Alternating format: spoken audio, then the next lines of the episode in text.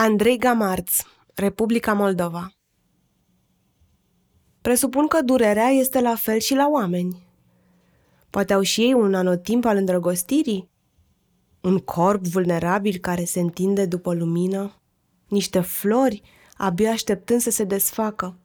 Și o rădăcină albă ca părul mamei? Presupun că fericirea este la fel și la oameni. Ține mult și se termină repede.